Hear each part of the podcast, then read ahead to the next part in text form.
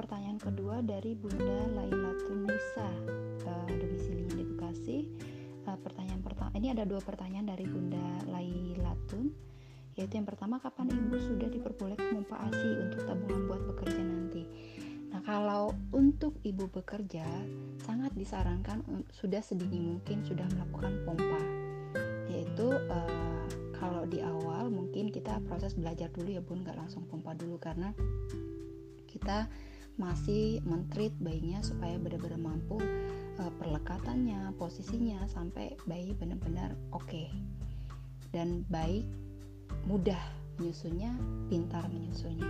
Nah, kemudian setelah itu sudah kita boleh imbangi dengan contoh uh, Bunda mulai melakukan proses pengosongan pemerahan atau tabungan untuk ASI pada saat ASIP nanti pada saat Bunda mulai bekerja kurang lebih kita boleh dikatakan di tiga minggu pertama mungkin bunda sudah mulai mengetahui ritme bayi menyusui itu seperti apa dan bayi juga sudah mulai belajar dengan jauh lebih baik. Nah pada saat fase ini bunda sudah boleh melakukan pumping untuk hanya pengosongan sementara pada saat bunda sudah menyusu. Jadi payudaranya supaya benar-benar kosong dengan harapan ketika kosong produksi asinya akan jauh lebih baik.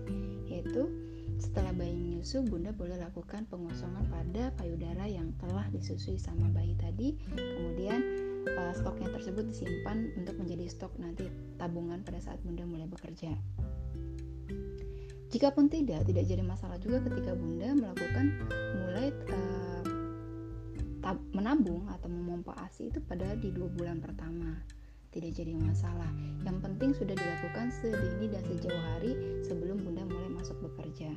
Nah, kalau di awal tadi saya jelaskan bahwa pumping Bunda hanya tujuan untuk mengosongkan payudara di bulan pertama, nah di bulan kedua saya sarankan Bunda sudah mulai menjadwal untuk pengosongan payudara. Contoh, lakukan pumping misal contoh per 3 jam, per 2 jam. Nah, itu sudah dilakukan ritme supaya nanti ketika Bunda mulai bekerja, ritme tersebut sudah diprogram oleh otak kita uh, bahwa mulai memproduksinya di jam-jam tersebut.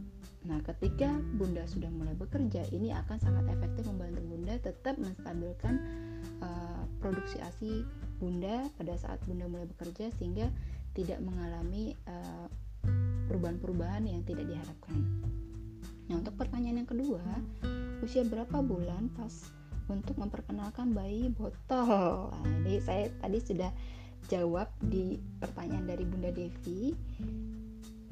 Saya kami selaku konselor kami tidak menyarankan dengan penggunaan botol. Karena kenapa? Saya jelaskan ulang kembali bahwa dengan pada saat Bunda menggunakan botol, resiko untuk bayi bingung puting atau tidak mau menyusu langsung pada bunda itu akan jauh lebih besar. Ketika bayi tidak mau menyusu langsung pada bunda, apa yang terjadi? Produksi ASI tidak akan stabil atau akan mengalami penurunan.